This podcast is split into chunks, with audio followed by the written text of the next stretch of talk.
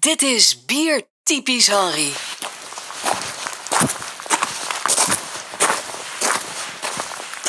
Voor deze podcast deze keer geen exotische reisgeluiden. Want ja, reizen zit er even niet in. Het zijn gewoon voetstappen. Een goed moment om stil te staan bij het bier wat eigenlijk ook gewoon is. Althans, dat denken we. Het onderwerp van deze podcast is een lager. En als je aan een sleutelaar vraagt wat is een lager, dan krijg je dit antwoord. Een lager, dat is iets waar een as in draait. Dat is eh, heel soepel draait en weinig slijtage heeft. Dat is een lager. Aan de andere kant, als je dat vraagt aan een brouwer, dan krijg je een heel ander antwoord. Het zijn eh, gekke tijden en je hoort hier de galm waarschijnlijk wel. Ik ben bij Brouwerij Noord in het proeflokaal.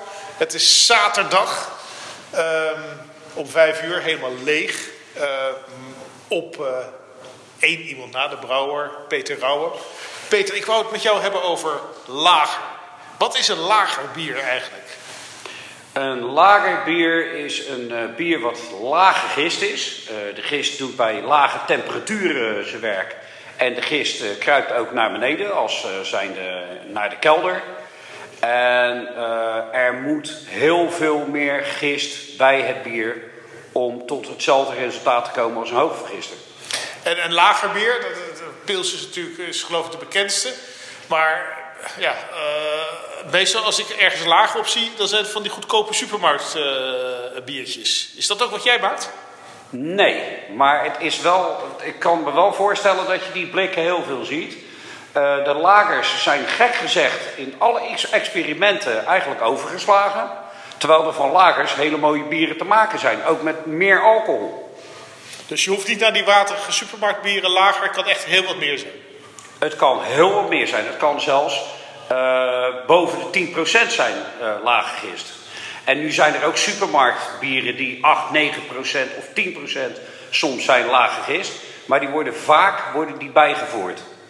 Bijgevoerd? Ja, daar wordt vaak glucose aan toege, uh, toegevoegd. Of er wordt alcohol aan toegevoegd. Die bieren gaan meestal naar Afrika toe en daar worden ze in een glas gedronken met heel veel ijsblokjes.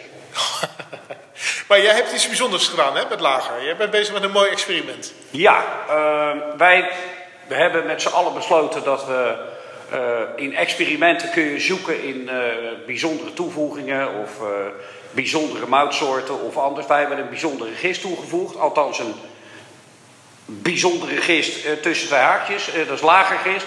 Wij hebben alle klassiekers die er zijn, hebben wij in lage modellen gemaakt. Dus dat wil zeggen quadruppel, du dubbel, uh, trippel, Belgisch blond, uh, enkel, wat de trappisten drinken. Dat zijn eigenlijk klassieke hoogvergistende bieren. En die hebben wij in laagvergistende uitvoeringen gemaakt. Je hebt eigenlijk België een toontje later, lager laten zingen. We hebben, uh, ja, in België hebben ze de toon, maar wij gaven hem nu een keer aan. en die quadruppel, mag ik die eens proeven? Ja, die mag je zeker proeven. Hij staat er in een wijd glas, heel veel schuim uiteraard. Ja, die schuimkracht is indrukwekkend. Dan kun je bijna op skiën. Ja, dat is een van de voordelen van laagvergiste bieren. Dat is altijd dat uh, de schuim uh, is, is fantastisch. Ja, een heel, uh, heel, heel moeilijk traject was het in het begin. Want je weet eigenlijk niet wat er gaat gebeuren. Er zijn geen referenties voor. En om zo hoog in alcohol te zitten, dat, dat is met laag vergist niet makkelijk. Maar het is fascinerend, want ja, je, je, proeft vanille, je proeft whisky, je proeft pruimpjes. Maar het is ook een stuk droger en, en doordrinkbaarder. Gevaarlijk doordrinkbaar eigenlijk. Ja, alle gisten die, wij, alle gisten die, we, die we gebruikt hebben, dat is dezelfde gist geweest. Dus dezelfde giststam, de oorspronkelijke giststam. En die hebben wij getraind. En alle bieren zijn verder uitvergist dan 1015. Dus dat is, dat is redelijk, redelijk ver. En trainen, dus ik zie jou als een soort van dompteur, uh, uh, zie ik jou hier staan. Hoe train je hem om, uh, om een quadruppel te maken? Je traint hem door bijvoorbeeld te beginnen met een bier van, van 15 of 16 plato.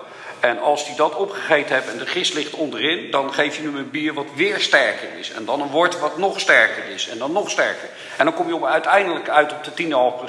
Ja, het is een verrukkelijk bier. Levensgevaarlijk, maar echt lekker. Is het op fles te krijgen?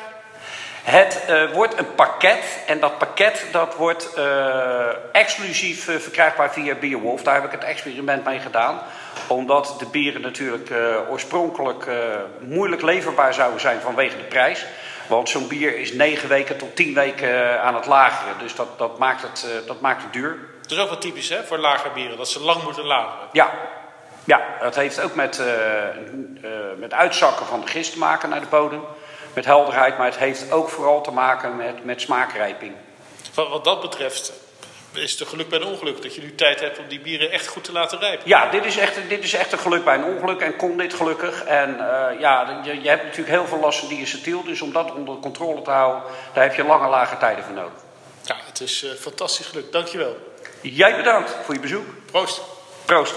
Als je het overdenkt, had die sleutelaar het nog niet eens zo gek. Het lager is soepel, drinkt lekker door. Betekent niet dat je er niet iets complex mee kan doen, zoals Peter Rauer heeft uitgelegd. Eigenlijk is een lager een ondergewaardeerd bier. Je hebt ze in hele simpele supermarktvormen, maar ook waanzinnig complex.